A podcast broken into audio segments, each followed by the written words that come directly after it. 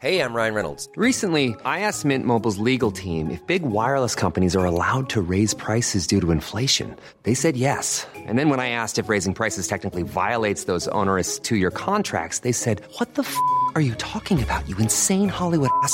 So to recap, we're cutting the price of Mint Unlimited from $30 a month to just $15 a month. Give it a try at mintmobile.com slash switch. $45 upfront for three months plus taxes and fees. Promo for new customers for limited time. Unlimited more than 40 gigabytes per month. Slows. Full terms at mintmobile.com.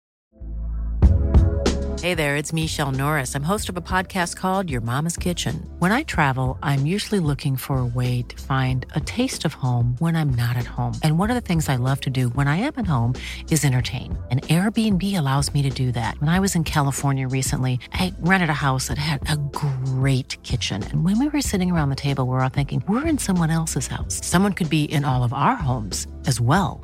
If you have a home, but you're not always at home, you have an Airbnb. Your home might be worth more than you think.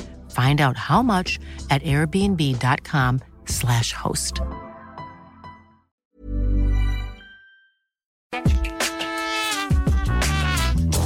Hej Parisa. Hej Britta. Gud vad du är avklädd. Jag vet. Jag eh, skapade ju rabalder när jag eh, kom ut som en bar under i podden för några veckor sedan. En kalanka. Och nu är det lite halvt bar över. Nallepu. På kontorslandskap på Acast i Stockholm. Vi är tillsammans igen och poddar. Mm. Första gången på länge. Hur mår du? Jag mår jättebra. Jaha. Mm. Gud vilket härligt svar. Nej men det är bara, alltså, det, så här, jag fyllde ju år i torsdags. Ja men vad Alltså, vi- hände? Nej men alltså det var jättebra. Alltså jag blev så firad på morgonen och sånt. Sen var resten av dagen blev inte så bra. Det var eh, lågtryck. Uh, alltså jag är, jag är lite känslig. Jag är lite barometerkänslig. Nu sa jag det bara. Jag kommer ut som en lågtryckskänslig. Nej men eh, jag vet inte, det var så här, hmm, jag hade lite svårt att hämta mig och så fick vi punktering dagen innan så jag var Just tvungen det. att mecka med att laga ett trasigt däck på min födelsedag. Och jag är ju lite så barnslig att jag tycker det är så här orimligt. Alltså Nej, ska jag gud. behöva deala med det här på min födelsedag? Men då idag Ja. så, har- så fick jag känslan av att så här, vänta nu, jag kan inuti låtsas som att det här är min födelsedag. Men Britta, jag har ju sagt birthday month. Ta efter Ja. mig. Från med första juli till även sista augusti, det är två stycken, så Mm. fyller jag år. Jag har tre snabba tips, prat. Ja. Vi har ju varje vecka tre saker vi snabbt vill avhandla för att tipsa er eller som vi har reagerat på i veckan. Och jag vill prata om en film som har premiär den här veckan och som vi har velat se ganska länge, i alla fall jag. Och det här är ju nackdelen med att inte längre vara så mycket i USA. Jag måste ju vänta på att filmen kommer till Sverige. Laglydigt. Nu gäller det alltså Booksmart. Åh, jag älskar att du tar upp den. We have to go to a party tonight. What? Nobody knows that we are fun. We didn't party because we wanted to focus on school and get into good colleges. And it worked. But the irresponsible people who partied also got into those colleges. I'm incredible at hand jobs, but I also got a 1560 on the SATs. Booksmart, det är alltså filmen som alla säger är the, the femi nerd comedic revenge. Sådana begrepp slängs runt. Att det är två nördtjejer i skolan, ändå ganska tuffa, självsäkra, som eh, innan college förstår att alla andra också har fått bra betyg fastän de festar, har pojkvänner. Och de bara, vänta nu, har vi liksom slösat år på något som alla andra ändå har lyckats få till? De här tjejerna spelas av Beanie Feldstein och av Caitlin Dever. Och Beanie är känd för de flesta som Jonah Hills lilla syster. Av förklarliga skäl så har hon valt ett annat efternamn, kanske i och med detta eller... Jag hade ingen aning. Nej, så är det ju. Men såg du Lady Bird? Ja. Hon var lysande i den filmen. Ja. Som bästa kompisen som en vän som plötsligt blir cool eller vill bli cool överger. Alltså, vet du, jag säger ja, men jag har ju så dåligt minne. Men eh, jag bara vet att jag tycker att hon är helt fantastisk. Och hon är också en sån där som typ andra skådisar liksom hyllar. Ja. För att hon är, hon är en king helt enkelt. Det är hon verkligen. Referensen går inte då till Superbad automatiskt. Alltså Jonah Hills eh, debutfilm där han var en kåt tonåring som innan college ville få ligga. Utan referenserna går snarare till Freaks and Geeks. Oh. Otroliga liksom, tonårs high school dramaserien som vi älskar. Eller snarare komediserien. Av Judd Apatow. Av Judd Apatow. Med Busy Phillips. Otrolig. Och det här är också Olivia Wildes debut som regissör. Den här filmen har fått otroligt bra recensioner. Den premiär den 19 juni, alltså redan ute när ni hör det här. Så snälla se till att se den här på bio. Jag kommer springa ut och se typ 11-10 på onsdagen. För så gärna vill jag se den. Ja, jag är också svinpeppad. Jag har faktiskt tänkt att jag ska tipsa den i tidigare poddar, men jag liksom, du vet, vi har för, mycket pla- äh, för lite plats. Men jag är svinpeppad. Jag kan tyvärr inte gå på bio längre, men vi ska berätta, jag ska berätta om det sen. Okej, vad Ja. hemskt. Britta, har du noterat min blåa profilbild? Ja, jag har det. Jag har fått väldigt många som har frågat varför jag har en blå profilbild på Instagram. Men vä- fråga folk, kan folk inte Ja, men jag har varit ganska söka tydlig. information? Det är en googling bort. Ja. Det är väldigt många som gör det nu för att väga upp det otroligt underrapporterade läget i Sudan. Och vad händer i Sudan då, undrar ni automatiskt i och med att det inte är så rapporterat i medier. Då vänder vi oss till vår favoritgenre, vilket är faktaspäckad underhållning. Alltså infotainment som man själv vill syssla med. När man är full utomlands kanske dra till med att det är det man jobbar med. Bäst i den här genren är ju såklart Samantha Bee, John Oliver, Trevor Noah. I Sverige, Jesper Röndahl var ju väldigt bra på det på Svenska nyheter. Och någon som vi kanske inte har nämnt förut är ju Hassan Minaj. Alltså han har ju The Patriot Act på Netflix. Som varje vecka, alltså det är otroligt mycket skärmar, det stör mig. Det är MMA-stämning. Jag har faktiskt aldrig sett det. Jag, jag känner ju honom från liksom, inhopp i andra eh, liknande Ja. sammanhang. Så nu har han alltså en egen show. Otrolig. För det kom ju många såna commentary shower förra året. Michelle Wolf hade en som jag tyckte var underbar, men som togs ner. Hassan Minaj avhandlar ganska allvarliga ämnen och tar en större helhetsblick på veckans kanske största nyhet ibland och ibland saker som Indiens eh, val som ingen snackar om i västvärlden. Och det är ju också helt sjukt. Världens största demokrati. Alltså världens största demokrati men ändå typ så här rekord få som har rösträtt i förhållande till befolkning och så vidare. Eller som går och röstar. Ah, ja, ja. Och den här veckan så är det då Sudan han pratar om. Och så här inleder han det snacket. Now, look, I know there's a ton of terrible shit going on in the world every day, which is why tonight I want to talk about something more lighthearted Sudan. Now, you probably know Sudan best for two things the genocide in Darfur and white savior movies. That's the orphanage that I'm going to build in Sudan. Nej, men på det här sättet då med populärkulturella referenser och sitt roliga sätt så får han folk att lyssna till underrapporterad fakta helt enkelt, eller händelser i världen.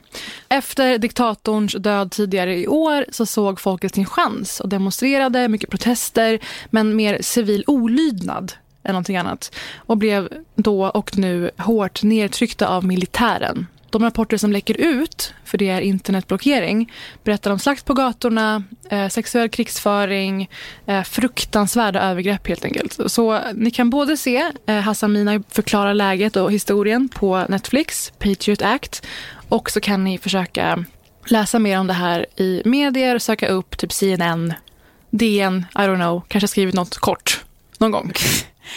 Ja, men det är faktiskt, eh, men vi såg du den där grejen jag postade där man jämförde med hur det rapporterades om Notre Dame versus Sudan och liksom faktiska casualties typ jämfört med eh, alltså så här, hur många som har blivit eh, brutalt mördade. Det är ju genocide på gång liksom.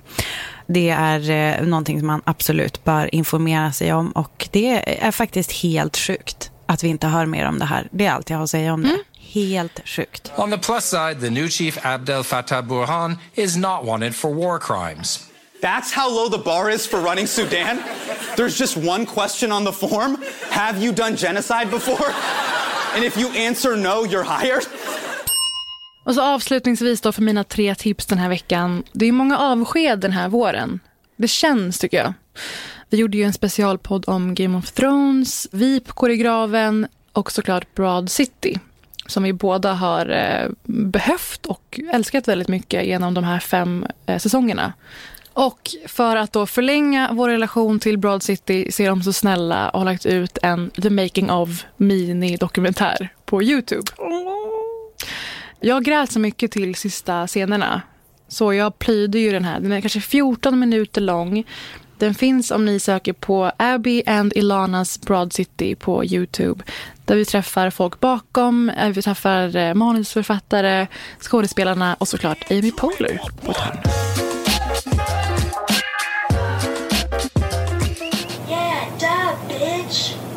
I had heard about these two fierce ladies, this dynamic duo.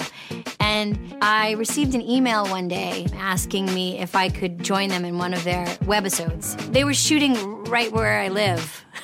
So I said yes.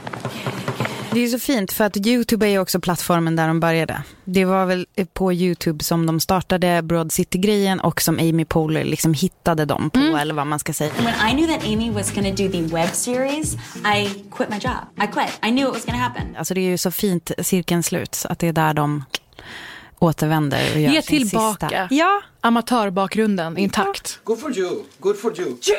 Border?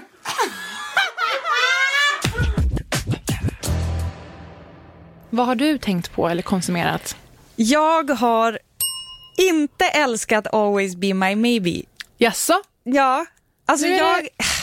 Always Be My Maybe tipsade ju Parisa om för det är Ali Wong som är en favoritkomiker eh, som eh, är liksom huvudstjärnan i den här och det är en, en romcom. Jag tycker det är så här dålig kemi mellan dem. Jag tycker det är så här svårt att fatta typ kärleken. Nej, alltså jag, jag njöt inte, men jag njöt av Man hör mina skratt sippra igenom, förlåt. jag njöt av, det, det här tänker jag säga som jag har njutit av med den. Det är att eh, 93 till Infinity, typ en av världens bästa låtar av Souls of Mischief, den har ju en väldigt central roll. Hela filmen börjar med liksom den här lite knastriga introljuden och jag bara skrek rakt ut för jag blev så himla glad och eh, den har jag lyssnat på repeat, alltså det gör jag ganska ofta eftersom som jag har sagt flera gånger, jag lyssnar typ på samma musik som jag lyssnade på i gymnasiet och det visar sig att Ali Wong också lyssnar på Ja. samma musik som jag lyssnade på i gymnasiet. Men jag älskar när du blottar den här sidan av dig. Du gick ju och stod på Skansen i regn och såg Wu-Tang Clan, Public Enemy, Della Soul. höggravid. Det är commitment. Alltså jag, jag skrattar nu men jag är ju kränkt deep down för att du inte tyckte om den här filmen. Inte ens Keanu Reeves. jag, ork vet, jag orkade inte ens hela vägen till Keanu Reeves. Jag Kan man sluta innan? stängde av. Men det är ett problem för mig nu för tiden att kolla på film. Vi har, jag vet inte om jag har berättat det här, nu häller du upp en god kopp kaffe. Bara för stämningsljud. Ja. Jag vet inte om vi har pratat om det här, men på våran gård så har vi en lada. Den har en loge. Har det kommit upp? Ja, men det kan jag ha kommit Ja. upp, men i alla fall, där har vi nu installerat en bio, en hemmabio. Jo, jag vet. Alltså. Man får skratta. Nej, jag måste få komma ut dit. Ja, du får komma. Men jag, kan, jag, kan jobba, jag kan jobba för eh, husrum. Ja, nu ska jag prata om min hemmabio. Perfekt. Mitt hemmabiosystem. Det kan vara manliga krafter i min familj som har legat bakom och drivit igenom eh, den, detta hemmabiosystem. Vi håller på könsrollerna, det är inget nytt. Men i alla fall så ska vi sätta oss och titta på det här hemmabiosystemet. Det är ett väldigt lyckat ljud, eh, en ljudanläggning som är väldigt lyckad enligt de som kan. Och vi ska då titta på den här filmen, Gentlemen, welcome to Fight Club. First rule of Fight Fight Club. Därför att vi har nämligen en filmklubb. Nej. En gång i veckan så ses vi några stycken som bor i orten. Vilka är det? Ja, men det är några stycken. Då är det som att man får turas om att välja film och så sen så var det, så var det en som hade valt Fight Club för att så här, den har man ju inte sett Nej. på. Den är ju 20 goda år gammal. Ja. Det visar sig att ljud i biokvalitet är för mitt barn i magen som att eh, man bara säger här har du eh, lite tjack och varsågod dansa runt bäst fan du kan. Så att eh, det som händer är att det sätter igång som en liten torktumlare i min mage och efter typ goda 40 minuter så måste jag gå därifrån. Men för oss som aldrig har haft en person inuti oss, Ja. eller vänta, Det nu. är, jo. eller vänta nu, i magen i alla fall, så undrar jag bara, är det obehagligt på något sätt? Ja men det är ganska obehagligt. Alltså, det är så här alien-känsla. Jag tror på riktigt att det, alltså, det här är ju typ det sjukaste. Som man, man kan inte tänka på det ens om man har varit gravid gravid och sen inte är det under en period så har man svårt att relatera till det för det är så otroligt främmande grej. Men, men man har en liten person och den rör på sig. Det stod till och med i min så här gravidappa, nu börjar det bli, bebisen börjar bli så stor så det börjar bli väldigt trångt där inne så den rör inte så mycket på sig nu. Min bebis bara, I call it a challenge. Så Kalle kommer behöva väga upp att han har byggt det här massiva ljudsystemet med att bygga ett ljudisolerat rum också. Exakt. Jag har alltså som du har avbrutit filmtittning två gånger. Ena gången på grund av tappade lusten, andra gången på grund av kunde inte sitta kvar för att det levde om så mycket i magen. Men det som jag fick med mig av Fight Club, det är att den faktiskt håller. Den handlar ju om Edward Norton lider av fruktansvärd insomnia och det han gör för att bota sin insomnia det är att han går, börjar gå på stödgrupper. Han blir liksom besatt av, han blir beroende av det. Han går på stödgrupper, träffar Meatloaf bland annat som har bitch tits och så får han gråta ut. Och när han har gråtit så kan han sova. Så det, jag tycker att det är en film som pratar om manlighet på ett väldigt intressant sätt som faktiskt kanske var lite så här premature eh, när den hade premiär. Jag tror inte att, att vi riktigt plockade upp det eller pratade om det eh, på ett vettigt sätt. Och det var väldigt kul att se den nu. Så jag tycker liksom att man faktiskt kan se om den med god behållning. Jag såg om den nyligen och jag måste hålla med. Och jag älskar rewatch-recensioner. Att vi liksom tänker om på filmer igen med våra ögon i modern tid. Samtida prat. Kul Britta. Och sen så har jag bara typ det senaste dygnet tagit del av en story där Bella Thorne och nu undrar ni kanske, vem är Bella Thorne? Ja, det visste jag ärligt talat inte själv, men det är liksom någon så här Nickelodeon eh, så här barnskådis typ, alltså i Selena, Selena Gomez-grejen. Bella Thorne har bestämt sig för att själv dela med sig av nakenbilder som hon har blivit utpressad med. Ska man säga det? Alltså en person har hackat hennes lur, fått tag i så topless-bilder som hon typ har skickat till någon dejt eller någonting. Och eh, då haft liksom en makt över henne som hon kände att den här ska jag eh, liksom disarm genom att själv släppa de här bilderna. Jag såg det här först igår kväll och jag måste säga att det var, eh, på ett sätt kände jag först, och det var väldigt modigt. Det andra jag känner är att det är så många kvinnor som drabbas av det här, som är någon slags indirekt revenge porn. Det är ju inte klipp eller bilder som man har spelat in med en partner och partnern sen lägger ut det för att hämnas, utan bilder och klipp man spelat in och en extern person får tag och lägg, vill lägga ut på. Så det är ju en sorts revenge porn som numera är straffbart. Det är en utpressning, det är massa, so massa saker. Och att vi är så utlämnade av rättsväsendet att vi måste ja, men göra någon slags avkall på vår integritet och stå ut med det här helt ensamma egentligen. Jag tycker det var... Jag blev ledsen, men jag tycker att hennes... Jag hade aldrig pallat göra det som hon gjorde tror jag. Hon skriver, eh, hon la ut de här på Twitter och skriver i samma veva som hon då postar sina bilder. For too long I let a man take advantage of me over and over and I'm fucking sick of it. I'm putting this out because it's my decision. Now you don't, you don't get to take yet another thing from me. I can sleep tonight better knowing I took my power back. You can control my life. You never will. Och det här utreds ju såklart av FBI och ladida liksom. Men eh, ja, alltså jag vet inte hur lätt är det där. Men eh, ja, jag vet inte. Det är ju ett sätt att göra det. Och Parisa Amiri, i morse när vi spelade in det här så släpptes ju avsnittet hos Dax Shepard med Julia Louis fucking Dreyfus. Detta avnjöt jag. Dina näsborrar blir dubbelt så stora. Och mina ögon kände jag. Som spändes. So, yes, Julia Louis Dreyfus. I don't even need to read this list, but I'm gonna. Seinfeld, Veep, The New Adventures of Old Christine, Curb Your Enthusiasm. It just simply doesn't get better than her. Alltså Julia Louis Dreyfus, en stor idol. Kanske din allra största, jag vet inte. Jag älskar henne också. Men det känns ändå som att det är så här, om, om vi skulle dela på henne i vår skilsmässa så skulle nog du få vårdnaden, absolut. Hon är hos eh, min favorit Dax Shepard, en väldigt fin intervju. Och du har Eh, hört den redan? Ja, jag, lyssnade, jag klämde den. Två saker vill jag lyfta därifrån. Och det är ju framförallt, du har koll på säkert att hon gör en film med Will Ferrell. Ja, ska Ja. du säga vad det är för film? Ja, För det är det, jag hade inte koll, alltså du vet jag har sett bilder på, hon postar, de är i Österrike eller Schweiz och filmar. Ursäkta att jag inte skiljer på de två länderna, jag ska adressera den grejen alldeles strax. Men hon berättar då att det är faktiskt en remake av the Swedish film Force Majeure. Exakt. Och vilket är Ruben Östlunds turist. Och hon co-producerar den här också tillsammans med Erik Hemmendorf som eh, är Ruben Östlunds producent och Ruben Östlund är också med i alltså, något slags råd över den här filmen.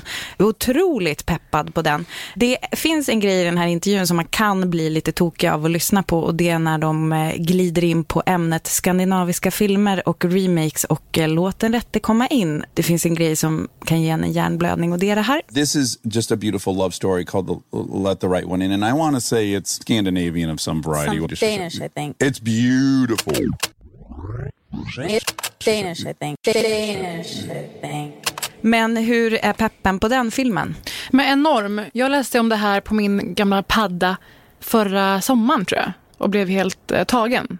Att då kände jag min nära Julia. Det är inte sant, Ja. men det kändes så. Nej, ja, men jag vet.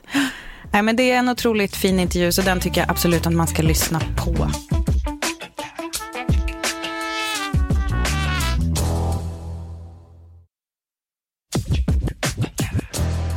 Alltså det har ju varit någon slags superkoncentration av smarta människor i Stockholm senaste veckan. Mhm. Brilliant minds, rent av. Exakt. Bra där, Britta. Vi får inte pengar av dem för att säga det här. Nej. Men det är bara så det är. Någon slags, eh, någon slags konferens, seminariesak. President Barack Obama. Jag har inte förstått riktigt, men de bjöd in Barack Obama, Got some friends here. Cardi B. En, en härlig blandning. Va? Det hade jag helt missat, Cardi B var här. Jag såg, en, men jag såg att hennes man Offset var här också, kanske passade ungen, vem vet. Också Sina Bosi uppträdde. Utöver det väldigt många som jobbar inom någon slags progressivitet, entreprenörskap, socialt entreprenörskap. Och jag är jättelockad av sådana här evenemang. Så en, en koncentration av intelligens, framåtanda, idéer helt enkelt i Stockholm senaste dagarna. Jämfört med typ Nobelveckan. Förutom Brilliant Minds så var det även Järvaveckan. Här på Järvaveckan handlar det rätt mycket om framtiden, ibland väldigt konkret, som att skaffa jobb till exempel. Flera stora företag har gjort rekryteringsoffensiver och gör anställningsintervjuer på plats. Järvaveckan är ett eh, initiativ för att liksom, väga upp eller jämna ut dominansen från Almedalsveckan egentligen. Då hela politiska eliten åker till Gotland. Mm. Men jag som har varit där, jag sände varje dag i en vecka live varje dag med TV4 om vad som hade hänt just den dagen. Jag gjorde roliga takes på det. Det var det året då Jimmy Åkesson pratade om någons kladdiga kladd. Och då hade vi ett helt kladd-tillägnat eh, avsnitt. Ja men ni hör ju, det var ganska kul. Och när man är där upptäcker man att det framförallt är väldigt mycket näringsliv och PR som pågår där. Och inte så mycket fokus på bara organisationer, faktisk politik, faktisk policy. Det blev publikrekord i Järva. Det var många som ansökte om jobb där också. För det är ett sätt att försöka förankra sig hos lokalbefolkningen. Så kommer lite i skymundan. För de som inte vet, för Ja. Järva är ju egentligen inte typ en ort, utan det är ju så här en, ett område. Jag har bott i Järva, Mm. eller bredvid Järvafältet när jag bodde i Husby, så det är ju faktiskt också ett sätt att så här, det händer grejer i orten också, hörni. Jag tror att folk har hört Järva förut, men kanske lite i förbifarten, släpande, när man gärna pratar om dödligt våld, skjutvåld till exempel. Så kul med publikrekord och att så många också fick kontakt med olika företag där. Massa ansökningar till jobb och annat. Utöver det så var det även Polarpriset förra veckan. Så du hör ju. Och på Polarpriset så var det någon slags, eh, det var Grandmaster Flash som vann. Såg du den tributen? Nej. Har du hört? Nej, jag har faktiskt inte. Nej men, good times. Den framfördes av, ja men, Mapei. Just det, det Ester- såg jag ju utan ljud Ja. efter eh, fotbollsmatchen. Ljud behövdes ev ej. Nej. Även Ester Kirabo och en våldsamt blonderad Danny Saucedo. Okay, see, I was born here in Stockholm City, Södermalm, not too far from here. And now I'm just happy enough to be here with you. Okej, förlåt, nu vet jag att jag faktiskt har hört om det här Ah, okej. framträdandet. Ja. Det var att de kanske glömde texten eller någonting. Ja, men det var många tysta luckor. Ja.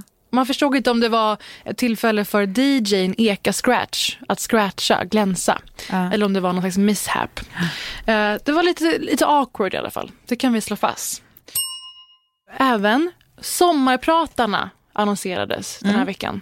Har du några favoriter än så länge? Ja, alltså vi, eh, jag var ju på radion förra veckan så då höll vi på och prickade in, alltså vi hade så här betting om Mm. vilka som skulle bli. Jag är väldigt, väldigt stolt över att jag prickade in Stina Wolter till exempel. Det var en lågoddsare om Ja, men vi ska vara helt ärliga. Alltså vet du, när du säger det där så är jag mest sur över att de inte haffade Marie Agerhäll. Alltså given sommarpratare. Given! Marie som alltså är eh, showrunner och gör otroligt konstigt nog skådespelar och komikerdebut i Dips. Ja, alltså konstigt menar du för att hon är så jäkla bra så man fattar inte att det är hennes debut. Bäst i Sverige. Ja, eh, hon borde ha varit sommarpratare och eh, så jag är lite bitter över det. Peka på mig själv nu. Ja. Britta inte vill att jag ska vara sommarpratare. Vänta, och det var det jag sa. Det var exakt det jag sa när jag sa Marie Agerhäll borde. Att det inte var, alltså det betyder inte att jag inte tycker att du skulle vara. Jag läste in en ton i det i alla fall. Och när jag såg det, när jag såg det, det var ett väldigt uppmärksammat klipp på Blondinbella som florerade den här dagen. För hon ska sommarprata. Katrin Zimmerman som pratar väldigt, med väldigt mycket andning på P1. Hon intervjuade henne på scen och eh, Blondinbella verkade bli ganska irriterad av hennes frågor och var lite spänd. Eh, en fråga var, vad har du kvar att berätta? Och så här snipigt blev stämningen då. Finns det något kvar att berätta om i sommar?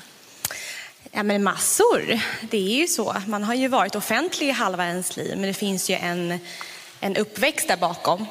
Men nu efter att ha varit offentlig halva mitt liv i Sverige så tackar jag för mig och är på väg bort mot över Atlanten och etablera mig i USA. Blondinbella tackar för sig. Mm. Jag tycker det var väldigt roligt. Hon har ju ett storhetsvansinne som är komiskt ibland. Alltså det, det är ju någonting med det som är beundrande, som man beundrar. Ja, jag är Men det skär sig så mycket mot, Ja. så blev jag en P1-journalist och bara, efter det här, det här är det sista jag gör, tack för mig. Sen är det liksom... Sista mediala jag gör i Sverige. Ja, slå fast det. Otroligt med en krans på huvudet. Ja. Men så efter allt det här då känner man så här, åh vi är omgivna av otroligt begåvade människor. Det händer så mycket i Sverige, det är så mycket, så mycket liksom idéer och progressivitet. Och så kommer den dummaste skiten man hört talas om samma vecka. Britta, eh, har du haft ett Jimmy moment? Nej, vadå? Har du haft ett Jimmy moment? Vadå ett Jimmy moment? Så här är det. Eh, GP har ju utmärkt sig på senare år som en allt mer provokativ ledarsida. Har du hört om det? Alice Teodorescu gick ju in där och styrde om skutan till annat håll och hon är numera på Moderaterna som någon slags ideologarbetande person. Kajsa Dovstad, Dovstad gjorde någon slags eh, gästtext på ledarsidan. Alltjämt en ledartext. Hon kallar det ett Jimmy moment, ögonblicket när man slås av tanken nästa gång röstar jag på Jimmy. Hon har fått uttrycket från sin bekant. Hon menar att det är lite skämtsamt menat men tycker ändå att det sätter fingret på den förbjudna känsla som många moderna svenskar drabbas av då och då. Känslan av att Sverige har förändrats, att landet man växte upp i inte längre finns kvar. Hur känner du så här långt? Och varför känner hon då detta? När var hennes Jimmy moment? Hon tar oss tillbaka till november. Det är en mörk, kall kväll i Gävle. Bakom sjukhuset där hon är läkarstudent ligger miljonprogramsområdet Sätra. Eh, Där har jag faktiskt bott med min familj. Min, mamma, min mor bodde i Gävle under många år. Så jag har varit där eh, en hel del. Hon fortsätter. Hon pulsar genom snön med sin tunga väska på jakt efter lite mat att köpa. Alltså en person i ett desperat läge, känner man ju. Till slut hittar hon en butik med skyltar på arabiska utanför. Inuti är köttet märkt halal på både arabiska och svenska. I frysdisken finns hela smådjur och på hyllorna står enorma förpackningar med linser. Är det en, glä- en solskenshistoria så här långt eller känner du att det är liksom upptakten till... Alltså det kän... Jag är rädd för vad som ska hända. Men, men jag skulle vilja... Man får, man får skratta redan nu. I, I frysdisken finns hela smådjur. Alltså min reaktion direkt är så här. Ett, jag gillar när det är halal. Därför att du vet, för jag äter ju inte fläsk. Mm. Så då blir jag glad. Och sen nummer två, alltså smådjur, snälla rara, vad fan tror du det är i korv? Mm. Alltså så här, det, är, det är liksom ett helt djur är en blessing jämfört med vad som finns i korv.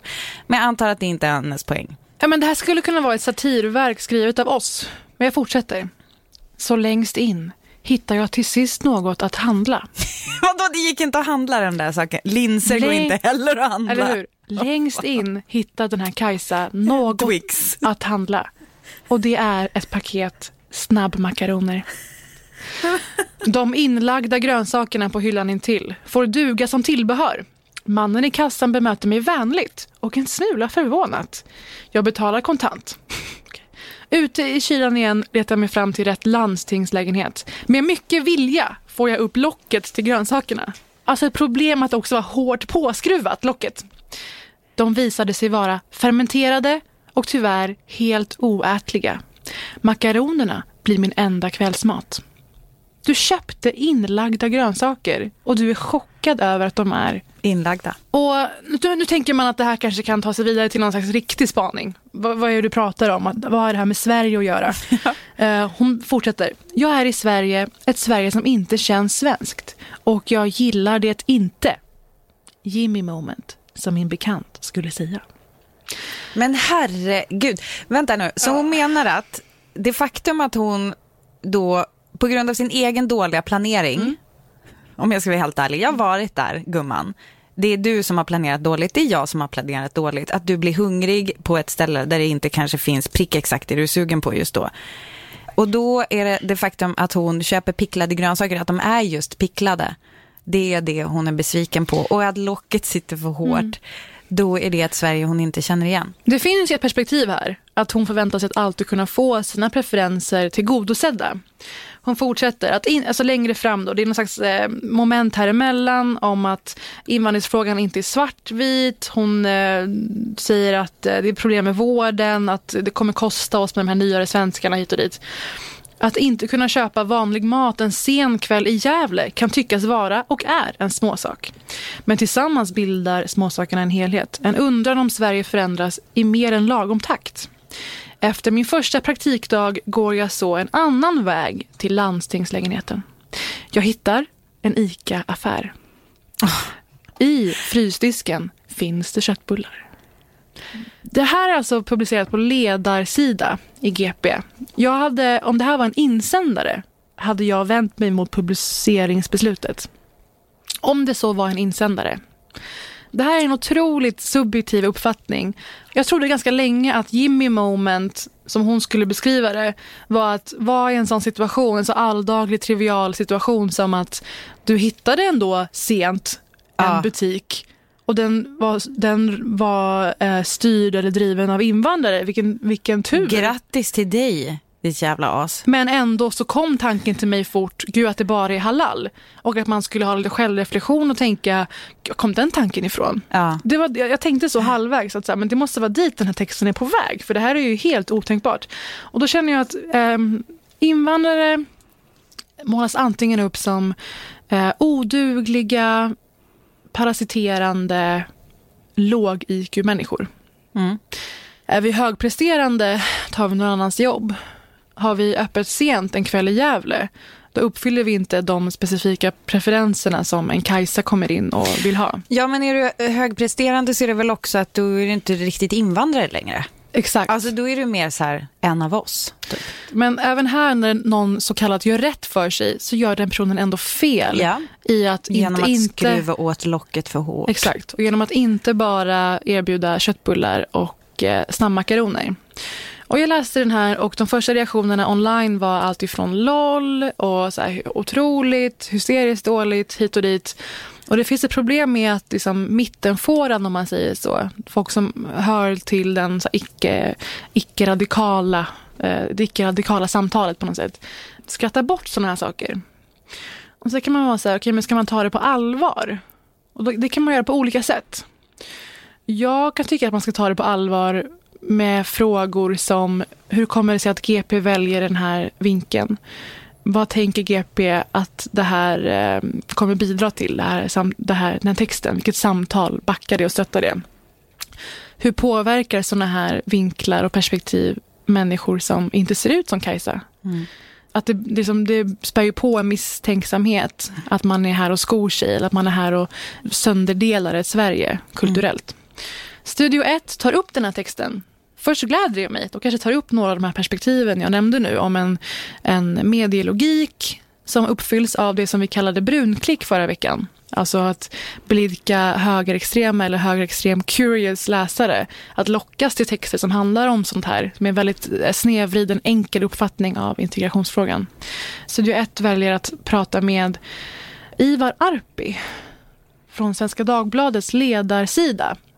Har du någon erfarenhet av Ivar? Eh, ja, men alltså jag orkar inte. Alltså... Ivar har blivit ansiktet utåt för en högerkonservatism som ägnar texter i typ SVT ledarsida att kritisera invandring och genusideologi. Han är aktuell med boken Så blev vi alla rasister där det största samhällsproblemet enligt honom är att majoritetsbefolkningen ska behöva förhålla sig till människor från andra kulturer och att detta skapar ilska som tolkas som rasism men inte är det utan det är enligt honom en rättfärdig ilska. Hans nya bok kommer handla om det som han kallar för radikal genusideologi som tar över samhället. Han samlade in pengar till detta från fans online och det blev över 700 000 kronor. Han är väldigt, väldigt central i det här narrativet som pågår och han fick prata med Jens Liljestrand, alltså kulturchefen på Expressen Kultur, vars text vi pratade om förra veckan, som ville svartmåla feminister och antirasister. De pratar inte om de här sakerna som jag nämnde. Alltså hur går tongångarna om invandrare i medier? Eh, hur påverkar det här narrativet gemene man på individnivå? Frågan blev istället om hur Sverige har förändrats. Så det jag ville beskriva var egentligen att vi behöver prata mer om att majoritetskulturen känner sig hotad. Och när majoritetskulturen känner sig hotad så aktiveras den eh, liksom, vad ska man säga, slumrande eh, invandringsskepsis som har funnits här i alla decennier. Det har alltid funnits en tyst majoritet i Sverige som har varit på Twitter kan man läsa Kajsa Dobstad vidare. Hon eh, verkar tycka väldigt mycket om KD som hon menar då ska upprätthålla svenska fanan. Que sorpresa! Ja, eh, det här kommer inte upp i Studio 1-samtalet eh, utan det fortsätter i samma takt. Jag tänkte så här, hur tacklar vi det här? Jag skulle gärna ta emot andra exempel på Jimmy moments. Jag tror att det vi måste göra är att omdefiniera det och fylla det med något annat. För mig är ett Jimmy moment exakt såna här händelser. Att någon oförtäckt, generat relativiserar kring invandrares existens i Sverige, vad de är skyldiga till, vad de gör sig skyldiga till bara genom att finnas och verka, ha en butik, jobba. Och såklart att man oförtäckt generat drar sig med problembeskrivningar om invandrare i medier och inte får en enda vettig motfråga på det. Så jag, det tycker jag är normaliseringen av den synen på invandrare. Vad är era Jimmy moments utifrån det? Kanske personligt upplevda? Någon kollega sa någonting. Någons, eh, hur ska man säga nu? En, ett ex mamma till exempel. Host. Bidra gärna med det. Vi finns på Britta och Parisa på Instagram. Skicka dem till mig så tar jag upp det nästa vecka igen. Jag har ett antal Jimmy moments och det tar vi då tänker jag. Vi har ju fått mycket tips om och vi tog upp lite snabbt i förra podden om When They See Us. Mm. Ava DuVernays Based on a True Story miniserie som går på Netflix angående Central Park 5. Fem unga tonårskillar blir wrongfully dömda för ett ett överfall, en överfallsvåldtäkt i alltså, Central Park på 80-talet. Tvingade till erkännanden. Exakt. Ja. Eh, coerced som man säger mm. på engelska. Alltså, det är väldigt obehaglig så här, förhörsteknik där de ställer dem mot varandra och säger att den ena har sagt att du gjorde det och bla bla bla. bla, bla. Eh, väldigt lätt att dra paralleller till till exempel Making a Murderer eh, om du kommer ihåg hur de, mm. det är ju faktiskt en dokumentär men hur de behandlade den här Brian, tror jag han hette, den unga killen i Making a Murderer, där alltså väldigt lite hänsyn tas till hans unga ålder och de kör med väldigt skum förhörsteknik. Och det finns ju massor med regler jag har läst på lite grann om det här med när man håller förhör med barn så är det, alltså det är väldigt mycket att man ska skapa en trygg miljö för dem. Att det ska finnas social, eh, socialvårdare eller vad vi nu säger i närheten och så vidare. Så det, det finns regelverk men det kanske inte fanns på 80-talet, kanske inte finns i USA. Men i alla fall, det är en väldigt hemsk historia. Det är en väldigt eh, snygg serie skulle jag vilja säga. Jag tycker att regin är fantastisk. Jag tycker skådespelarinsatserna är fantastiska. Alltså de är helt otroliga. Återigen, väldigt snyggt foto. Um, Men, men jag bara jag säga, har- det, kan, det kan vara svårt utifrån att höra någon säga sådär tvingad till erkännande och förstå vad det innebär. Men tack vare Ivas regi, hur hon också visar deras lågstatus i samhället, föräldrar som inte kan lagboken, föräldrar som Mm. låter sig utpressas och att de här skådisarna som är 14, 15, 16 lyckas få oss att förstå hur deras skräck växer och hur de går på lögnerna från polisen. Ja. Alltså, de har gjort det, man förstår hur det där går till. Och det pågår i timmar, de får ingen mat, de, får, eh, de är ensamma, de eh, hör hur, alltså jag har läst också verklighetens, de hör ju hur de andra typ blir misshandlade Mm. i rummet bredvid och så vidare. Det är väldigt så här, eh, skräckig situation där vilket barn som helst, för de är ju faktiskt barn, skulle säga vad som helst bara för att komma därifrån. Men så det, den är väldigt sevärd, ni måste se den. Men det finns ett problem som jag har med den, som jag inte riktigt har fått liksom stöd för på internet. Det är, eller jag hittade liksom en recension som överhuvudtaget tar upp det här. Men grejen är så här att Felicity Huffmans karaktär, som är liksom åklagare och typ eh, ledare för så här sexual victims unit typ. Farstein.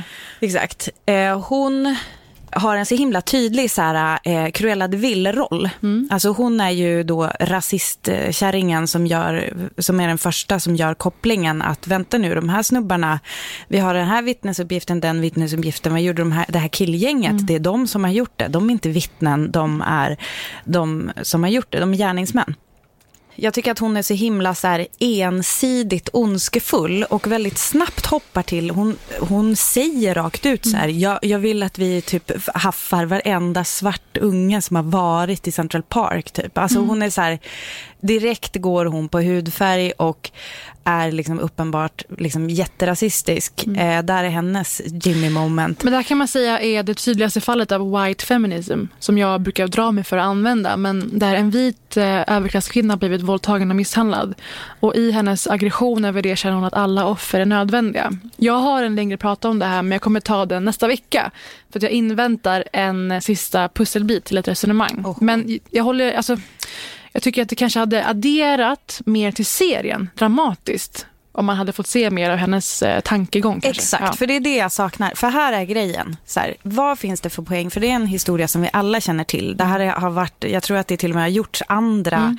liknande eh, filmatiseringar av det här och så vidare. Eh, den här storyn kan vi, vi vet hur det går, bla bla bla. Eh, de har fått upprättelse och så vidare. Så varför då berätta den här en gång till? Jo, för mig så skulle det vara just att man visar tydligare på att så här, rasism kommer inte aviserat med en sydstatsflagga tryckt mitt i tårtan. Liksom. Utan att rasismen är just den där grejen. Varför kan jag inte köpa halalfritt kött om man nu är sugen på det. Eller alltså, sina svenska mamma köttbullar Att det är liksom, jag hade velat veta, jag hade velat vara med mer i hur det kommer sig hur ett samhälle ser ut som så snabbt hoppar till slutsatsen att det här måste vara gärningsmän. De här små, små killarna. Man tänker så här, många, hur- kan, kan han ens hålla fast en tjej? Liksom? Och det saknar jag väldigt mycket. Jag, jag saknar liksom att det där att visa att rasism serveras i små, små munsbitar så att du kanske fattar först efteråt att jaha, det var liksom rasism jag fick till middag serverat. Är liksom, och det är det jag tycker håller på att hända i vårt samhälle nu. Att det, det sipprar in och det, är- det, är liksom, det är brunt. Här och där puttrar upp som en eh, radioaktiv jädra smörja liksom. Men det är, inte, det är inte dödligt direkt utan det syns kanske inte ens direkt från början vad det är. Och det är det jag tycker är läskigt med hur vi har det just nu och jag tycker att det är väldigt synd att det i den här miniserien som är så begåvat gjort i övrigt så tycker jag att den är lite för tydlig. Och jag tror inte, alltså hon säger ju till och med själv rakt ut att media kommer kräva något av henne. Eller de kommer kräva, alltså så här, åh vi, är så, vi, är så, vi har sådana påtryckningar från media. Alltså det hade varit bättre om man hade fått uppleva det istället genom hennes ögon. Hur pressad hon är att leverera något och att det här är hennes offer. Och det här sättet att minimera folk som hon gör, att hon gör dem till ett gäng eh, huliganer eh, istället för några små pojkar. Det går så snabbt, det går på typ 10 sekunder i den här och jag tror att det är mer komplext än så och jag hade velat se det. Det här återkommer vi till nästa vecka då jag har ett, ett fall i Sverige som jag gärna vill eh, koppla det här till. Så se gärna When They See Us på Netflix så att ni hänger med i det snacket. Gör det.